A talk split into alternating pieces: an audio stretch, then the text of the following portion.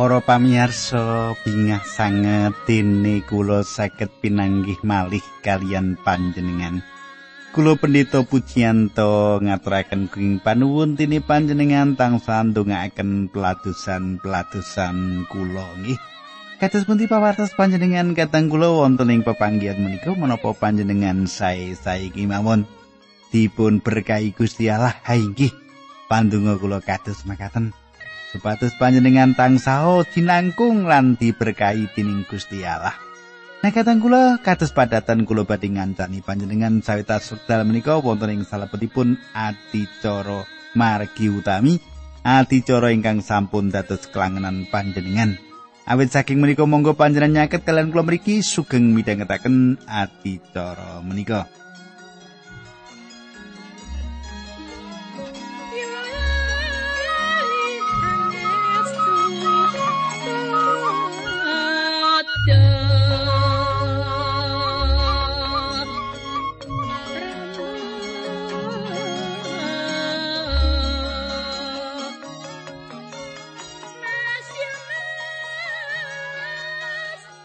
Kadang kula kados padatan kula menawi badhe nglajengaken pasinaon kita kula badhe ngaturaken reringkesan menapa ingkang kula aturaken dhateng panjenengan duk nalika pepanggihan kepengker.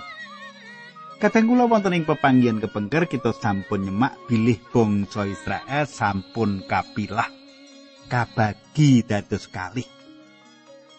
Inggih kados makaten ingkang dipun pratelakaken wonten ing salebetipun kitab setunggal para raja menika. Nah, kita badhe nyemak malih kelajenganipun kita badhe tetunggu nanging saderengipun tetunggu kula ngaturaken salam kula dumateng Ibu Luciana Maria. Wah. Ibu Luciana Maria menika sampun sepuh kadang kula nanging tresnanipun kalian kula ora karuan nggih. Kula sampun pinanggih foto-fotonipun sampun kula pajang wonten ing laptop kula menika. kita Nek kateng kula ingkang kula tresnani monggo kita tumungkul kita ndedonga sesarengan. Duh Kanjeng Rama ingkang adhedhampar wonten kraton ing kasuwargan kawula ngaturaken gunging panuwun menawi wekdal menika kawula saged tetunggilan kalian para pamirsa sedaya menika sedaya wecih rahmat paduka. Kawula nyuwun tuntunanipun Gusti supados anggen kawula midhangetaken sabda menika mboten dipun gudha dening si pengawak Dursila.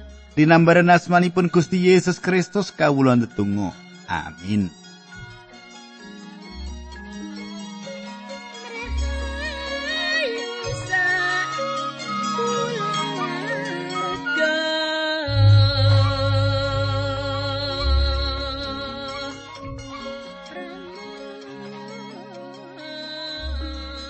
Para pamirsa, pasinaon kita samenika sampun lumebet ing kitab setunggal para raja bab 16 ayat 21 ngantos 3 dosa. Kita sampun lumebet kitab setunggal para raja bab 16 ayat 21 ngantos 3 dosa. Kula badhe maosaken ayat 21 ngantos 3 dosa rumiyin mangke dipun lajengaken ayat mboko ayat ning yono sing tak lumpati bareng. Makaten surau sing pangandikan. Omri sedo lan disarekake ing Samaria, Ahab putrane genteni jumeneng raja nalika asanggone jumeneng raja ing Yehuda nyandak telung puluh wolu taun Ahab bin Omri dadi raja ing Israel nggone jumeneng raja lawase rolikur taun daleme ana ing Samaria. Ahab dosane marang Allah gedhe banget ngungkuli raja-raja sadurunge. Kadang kula Omri dipun gentos dening larinipun ingkang anami Ahab. Omri inggih menika satunggalipun raja ingkang paling bobrok ing wekdal semanten. Nanging larinipun Ahab nglangkungi Ahab babakan patrap piyawonipun. Ngungkuli alane ngono. Kita ayat 31 yen mung kaya dosane raja Yerobiam kuwi durung apa-apa merga Ahab yo garwa Isabel putrine raja Edbaal saka Sidon malah banjur nyembah marang Baal. Para pamirsa Ahab inggih menika tiyang ingkang awon lan piyambakipun gadah semah ingkang ugi nyengkuyung gesangipun ingkang kebak piyawon. Duwe watek wantuwala bojone sisan ala. Kathah kakung lan istri ingkang gadah wewatekan awon. Ingkang dipun serat ing salebetipun sejarah donya. Nanging boten wonten satunggal kemawon ingkang patrap awonipun nglangkungi Ahab lan Isabel. Nami Isabel ateges boten ningkah utawi tanpa tali neningkahan. Kadi tembung sanes neningkahanipun Ahab lan Isabel namung satunggalipun neningkahan limrah ingkang boten nate dumados sesambetan katresnan ingkang nyoto ing antawisipun tiang kalih menika. Lah wong neningkahan kok ora landesan tresno iki kepiye? Nanging nggih kados makaten menika kasunyatanipun. Kula lajengaken ayat tigang dosa kalih ngantos tigang dosa sekawan. Ahab yoso papan pangibadah kanggo Baal ing Samaria lan yoso mespeh kanggo saos kurban marang Baal mau. Sarto kanggo retani Dewi Asera cekake dosane ngungkuli dosa-dosa sing dilakoni dening raja-raja ing Israel kabeh ing sadurunge mulane Ahab gawe dukane pangeran Allah sesembahane bangsa Israel. Ing jamane Ahab dadi raja kutha Yeriko dibangun meneh dening Hiel wong Betel nanging kaya sing diweca dening Yosua bin Nun anake Hiel ana loro sing mati ya kuwi Abiram anake sing barep sing mati nalika Hiel masang pondasine kutha lan segup anake ragil yo mati nalika hiel masang gapurani. Para pamirsa e wekdal ngejur kita Yeriko Yosua sanjang makaten. Jubi panjenengan semak Yosua 6 ayat 6 likur. Nalika semono Yosua ndawuhake larangan mengkini. Sopo wae sing arep ngedekake kutha Yeriko bakal kena ing paukumane pangeran. sapa sing masang pondasi ing kono bakal kepaten anake mbarep lan sapa sing arep masang gapura lan lawang-lawangi bakal kelangan anake ragil. Kata kula, kita menika dipun bangun malih ngantos sing jaman Ahab lan Isabel lan ipat-ipat menika dipun pratelaken dening Yosua nempuh pembangunanipun Hiel. Samenika pasinon kita lumebet ing setunggal raja-raja pitulas. maju nggih maju tekan bab pitulas kitab para raja kula wasaken ayat setunggal. Ing sawijining dina ana nabi asmane Elia saka Tisbe ing Gilead. Sowan ing ngarsane raja Ahab aturi demi pangeran Allah ingkang gesang ingkang kasembah dening tiang Israel kula ngaturi pirsa dhateng Sang Prabu. Bile salebetipun kalih utawi tigang taun ingkang badhe kelampar menika mboten badhe wonten bun utawi jawah setetes kemawon kejawi menawi kula nyariosaken. Para pamirsa, Elia mlebet ing kedatonipun Ahab lan Isabel. Elia sanjang bilih mboten badhe wonten jawah. Kajawi menawi piyambakipun ingkang sanjang. Selajengipun Elia nilaraken tiang kalih menika, manut kula. Ahab lan Isabel kami tenggengen Awit tiang kali menika mboten nginten menawi wonten tiang ingkang badhe wonten sanjang kanthi cetha welo-welo kados makaten menika. Saged ugi panjenengan gadah anggapan bilih Elia menika tiang ingkang kasar lan panci kados makaten menika. Nanging Gusti Allah badhe ngula wentah piyambakipun. Gusti Allah badhe ngula wentah piyambakipun. Gusti Allah tansah gadah cara kados pundi kula wentah tiang ingkang badhe dipun agem panjenenganipun. Panjenengan emot bilih ora-ora samun menika papanipun Gusti Allah kula wentah Musa. Gusti Allah nuntun Abraham saking Ur Kasdim lan mapanaken Abraham ing daerah ingkang kathah selo karangipun. Gusti Allah nindakaken perkawis ingkang sami dumateng Yohanes Pembaptis lan Rasul Paulus. Ing wanci menika Gusti Allah nuntun Elia lan gula wentah piyambakipun. Kadang kita lajengaken ayat kalih lan tiga bab pitulas tunggal para raja. Sawise mengkono Gusti Allah ngendika marang Elia, "Lunga saka kene mangetan marang sabrangi kali Yarden lan deli ana ing satedhake kali kerit. Kadang kula Gusti Allah paring pangandikan dumateng Elia supados ngungsi ingkang sak tebih-tebihipun. Lan piyambakipun kesah mlebet ing ora samun lan ngantos dumugi ing lepen ingkang alit. Ayat sekarang. Kowe bisa ngombe saka kali kuwi lan mangan pangan sing diterake manuk-manuk gagak sing ndak utus mrono.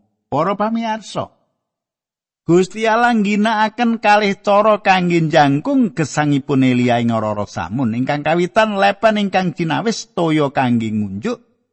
Ingkang kaping kalih inggih menika cara ingkang boten tinuwun nalar peksi-peksi gagak ingkang nyukani neduk Gusti Allah menika mboten wonten barang ingkang moka awis saking menika menawi panjenengan pitados ya pitados sing 100%. Ih. Aja percaya ning yo ora percaya. Kita mengamengo gojag-gajeg lah menika mboten pikantuk menapa-menapa. Nah salajengipun ayat pitu. Ora watara suwe kali kerit yosat merga ora ana udan.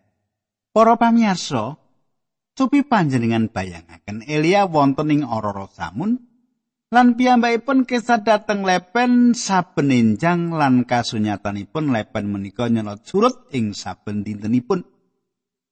Selajengipun piyambakipun kantun metang kinten-kinten pinten dinten malih piyambakipun keluwen lan ngelak ngorong. Kandi petangan ingkang kados makaten tiang ingkang nalaripun sehat sampun saged nginten-nginten kapan pungkasanipun gesang badhe dumugi. Inggih menika ingkang kawastani dosa statistik. dosa statistik. Ing jaman samenika kahanan gereja asring dipun temtokaken dening statistik. Gereja badhe dipun anggap kasil menawi kathah anggota ingkang inggal lan tambah-tambah tiang ingkang dateng ing gereja. Samenika Elia sampun saged nggambaraken kanthi cetha kapan piyambakipun badhe pecah. Nanging panjenengan semak petangan secara itung-itungan menika saged kaitang ing salebetipun etangan secara kasukman.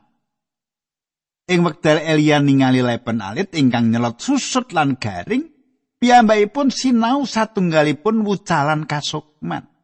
Elia ningali pilih gesangipun kados dene toya ing lepen ingkang garing. Piyambakipun boten wonten napa-napanipun. Piyambakipun namung satunggalipun lepen, satunggalipun saluran ingkang dados pantoro toyo gesang menika saged mili. Toyo agesang menika saged mili Gusti Yesus ngendika. Pangandikane Gusti Yesus wonten ing Yohanan sekawan ayat 13 ngantos 18. Kabeh wong sing ngombe banyu iki bakal ngelak maneh. Nanging wong sing ngombe banyu sing ndak wenehake selawase ora bakal ngelak awit banyu sing ndak wenehake kuwi bakal dadi sumber sing mili terus lan dadake wong mau lestari urip ing selawase. Kadang kula kala-kala kita ngidung nyanyian jadikan aku berkah. Jadikan aku berkat utawi dadosna kula berkah. Menapa ingkang dipun kajengaken menika ateges bilih panjenengan menika kados dene lepen ingkang garing. Lan panjenengan boten gadah toya gesang babar pindah. Namung menika toya gesang utawi pangandikanipun Gusti Allah menika mili lumantar panjenengan. Pramila panjenengan saged dados saluran berkah. Elia kedah sinau. Bilih ing setunggal Korinto setunggal 17 nanging Gusti Allah milih wong sing dianggep bodho dening jagat iki supaya gawe wirange para wong wicaksana mengkono uga Gusti Allah milih wong-wong sing ringkih manut petungane jagat kanggo mirangake wong-wong sing rasa Panjenengan lan kula namung lepen-lepen ingkang garing. Kajawi pangandikanipun Allah milih lumantar kita lan salajengipun Gusti Allah ngribah Elia Gusti Allah ngribah Elia. Cepi ayat wolu songo ngantos ayat kaliwalas. Gusti Allah banjur ngendika marang Elia. Saiki lunga menyang Sarpat sacedhake Sidon lan manggono ing kono. Aku wis dawuh marang sawijining rondo supaya aweh mangan marang kowe. Elia banjur tindak menyang Sarpat bareng tekan gapuraning kutha kono pirsana rondo lagi amek kayu. Dawe Elia marang wong wadon mau, "Aku arep ngombe jupukno." Nalika wong wadon mau lagi mlaku njupukake banyu, Elia ngendika, "Aku jupukno roti sak emplokan." Wong wadon mau mangsuli demi Allah ingkang gesang ingkang panjenengan bekteni, kula matur bloko. Bilih kula mboten gadah roti saestu, gadahan kula namung glepung gandum sak gegem wonten ing wadah sarta lisah zaitun sekedhik wonten ing botol kula sawek pados kajeng kangge masak tetedan sekedhik menika kangge kula lan anak kula menika tedha kula ingkang wekasan. Sasampunipun menika kula kantun sami ngentosi ngantos dumugi pecah. Kadang kula Sasampunipun rondo menika nyariosaken gesangipun Elia ngengken rondo kala mlebet griya lan ndamelaken roti.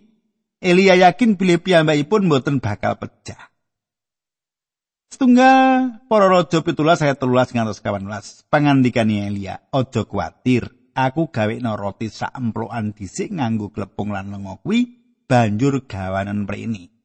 Sawise kuwi gawe kanggo kowe lan anakmu. Mergo pangeran Allah sing dibekteni dening wong Israel ngandika yen klepung ing wadah kuwi bakal ora entek-entek lan lengo ing botol kuwi bakal ora kalo nganti Allah paring udan ing bumi. Para pamirsa, Panjenengan mangertos Elia lan rondo menika ningali glepung ing wadah ingkang kotong. Menika satunggalipun wucalan ingkang perlu panjenengan lan kula sinau. Kita sanes menapa? Menapa? Namung wadah ingkang kotong. Panjenengan lan kula mboten gadah menapa-menapa kangge dipun pisungsungaken dumateng Gusti Allah. Mboten gadah. Kita sanes menapa-menapa ngantos toya gesang lan roti gesang menika mlebet lumantar badan kita. Kita menika namung lantaran aja sombong. Ayat pitulas kecerita ora wetara lawas anak rondo mau loro larane saya banget malah banjur mati. Kadang kula lare jalanipun rondo menika pecah lan menapa ingkang dipun tindakaken Elia. Ayat 19 ngantos kali likur. Wangsulane Elia. Anakmu gawanen mrene. Elia banjur nampani anak lanang mau saka gendongan ibune lan dikewa munggah ing kamare bocah mau nuli dijalake ana ing pesareane. Elia nuli ndedonga kelawan surat duh pangeran Allah kawula. Kenging menapa paduka ndatengaken bilai dateng rondo menika tiang menika sampun damel sae dateng kawula mongko samenika anakipun paduka pundut Sawise mengkono bocah mau dirungkepi rambah kaping telu karo nyuwun duh pangeran Allah kawula lare menika mugi paduka gesangaken malih Allah miyarsakaken panyuwune Elia bocah mau wiwit ambegan lan pulih waras men. Kadang kula Elia ngrung kepilayonipun lari menika ngantos kaping tiga. Menapa ingkang dipun tindakaken menika satunggalipun prinsip utami saking patangen. Menapa ingkang kelampahan menika wonten sambung rapetipun kalian panggesangan. Ing jaman menika kekristenan perlu gadah sesambetan kalian Gusti Yesus Kristus. Kita perlu mangertos bilih menika salah satunggal saking mukjizat ageng ing salebetipun kitab suci. Nyawa lari menika wangsul dhateng raganipun kali makaten lari menika gesang. Panjenengan lan kula inggih menika raga-raga ingkang sampun pecah. Kita menika tiang-tiang dosa ingkang ical, pecah ing salebetipun panerak lan dosa. Menawi sampun pitados dumateng Sang Kristus kadang kula pramila kita saged sanjang bilih kita dipun salipaken sareng kalian panjenenganipun ing kalih ewu taun kepengker. Panjenenganipun sedo lan kita pecah kalian panjenenganipun. Panjenenganipun dipun bungaaken lan kita dipun bungaaken sesarengan kalian panjenenganipun. Kita dipun tunggalaken kalian Sang Kristus ingkang gesang ing kedal menika Menawi kita dereng dipun tunggalaken kalian panjenenganipun, kita menika sanes menapa-menapa. Elia kedah sinau bilih piyambakipun kados lepen ingkang garing. Kados wadah kotong kados raga ingkang pecah medal Elia mangertos perkawis menika prawila Gusti Allah saged ngginakaken panjenenganipun. Samenika pasinon kita ngancik ing setunggal raja 18. Sawise wetara lawas nalika mangsa ketiga nyawa mau wis nyandak telung taune Nabi Elia kedawan dening Allah mengkene suwana raja lan maturo yen aku bakal nekake udan. Elia banjur budal nalika semono ing Samaria ana paceklik gedhe. Para pamirsa, Gusti Allah badhe ngagem Elia. Samenika Elia saged jumangkah kanthi kendel piyambakipun kisah manggihi Raja Ahab. Ayat 3 sekawan gangsa 6. Mulane Ahab nimbali Obaja didawi sowan. Obaja kuwi panggedhe sing ngurus rumah tanggane kedaton wong mursid sing ngabekti banget marang Allah. Nalika Isabel mateni nabi-nabine Allah, Obaja nulungi nabi 100 sing didelikake ana ing guwa-guwa. Guwa siji diiseni wong seket, nabi-nabi mau diwenehi mangan lan ngumbi. Pangandikane Ahab marang Obaja, padha ndelajau negara kabeh lan golek tok utawa kali. bisa uga kita nemokake suket kanggo jaran lan bihal kita supaya ingon-ingon kita aja ana siji wae sing nganti kepeksa kita pateni. Sawise daerah-daerah sing arep diteliti dibagi-bagi banjur padha budal Ahab menyang daerah siji Obaja menyang daerah siji ne. Para pamirsa, kirang pangan ingkang dumados panci ngidapi-dapi. Taneman sedaya garing lan sapi-sapi mboten manggihaken siti ingkang wonten suketipun. Dados sahab lan peladosanipun obat jambu didaya pados ora-ora ingkang wonten suketipun. Obaja menika tiang ingkang wedi asih dumateng Gusti Allah lan piyambakipun sampun nyingetaken satus nabi Allah saking ipat-ipatipun Isabel ing wekdal obaja pados papan ingkang wonten suketipun piyambakipun kepanggih kalian Elia. Samenika ayat pitu ngantos ayat 13. Wah, akeh banget nggih. Nanging kula penggel-penggel mangke nggih. Ana ing dalan Obaja kepethuk karo Elia bareng wis ora pangling meneh Obaja banjur sumengkem ngurmati Elia karo matur. Menapa estu panjenengan menika Nabi Elia? Wangsulane Elia bener aku iki Elia suwana Sang Prabu aturana pirsa yen aku ana ing kene. Katang kula kita mbetahaken swanten kados dene Elia ing jaman samenika. Ayat 9. Atur baca lepat kula menapa. Dene panjenengan badhe njlomporangaken kula supados dipun pejahi dening Ahab.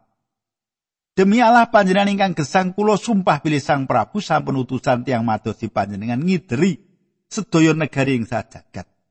Menawi wonten ingkang mungel bilih panjenengan boten wonten ing ngriku panguwasa ing ngriku dipun purih sumpah bilih panjenengan estu mboten wonten ing negari niku. Ayat 11. Samenika panjenengan ngutus kula sowan dhateng Ahab lan matur bilih panjenengan wonten ing ngriki. Kali 11 13 menawi kula kisah saking ngriki, rohipun pangeran mesti badhe beto panjenengan kabeto dhateng pangenan sanes ingkang mboten kula sumerepi. Lan menawi kula matur dhateng Ahab bilih panjenengan wonten ing ngriki, mongko Ahab mboten manggihaken panjenengan. Mesti kula badhe dipun pejahi senajan kula wiwit alit estu ngabekti dhateng Allah. Menapa panjenengan dereng midanget bilih nalika Isabel mejahi nabi-nabinipun Allah kula ndelikaken nabi 100 wonten ing guwa-guwa saben guwa tiyang 50 kula sukani tedolan ngombe. Kadang kula panjenengan katosaken obaca mboten purun ngaturaken welinganipun Elia awit piyambakipun ajrih Elia badhe ngical saderengipun Ahab ningali Elia. Obaja ajrih sesambetan kalian gesangipun piyambak. Samenika kula lajengaken ayat 14 ngantos 16. Pramila kados pundi dene panjenengan ngutus kula kisah ngaturi pirsa dhateng Sang Raja, bilih panjenengan wonten ing ngriki kula mesti badhe dipun pejahi dening Ahab. Wangsulane Elia, demi Allah kang Maha Kuwasa kang ndaladosi aku janji yen aku bakal sowan dhewe marang Raja Ahab dina iki uga. Obaja banjur mangkat ngaturi pirsa marang Sang Prabu lan Raja Hab ya tumuli budal manggi Elia. Kadang kula kita lajengaken dinten candhaipun samenika kita ndedonga. Dukan Romeng swarga kawula ngaturaken gunging panuwun menawi wekdal menika kawula saged sesarengan kalian sederek-sederek kawula lan midhangetaken sabda pangandikan paduka lan kawula sinau saking paraga-paraga ingkang dipun sebataken ing kitab suci menika. Tulung supados kawula saged dados tiyang ingkang kumandel dumateng paduka patrap kawula ngluhuraken paduka. Dinambaran asmanipun Gusti Yesus Kristus kawula ndedonga haleluya amin.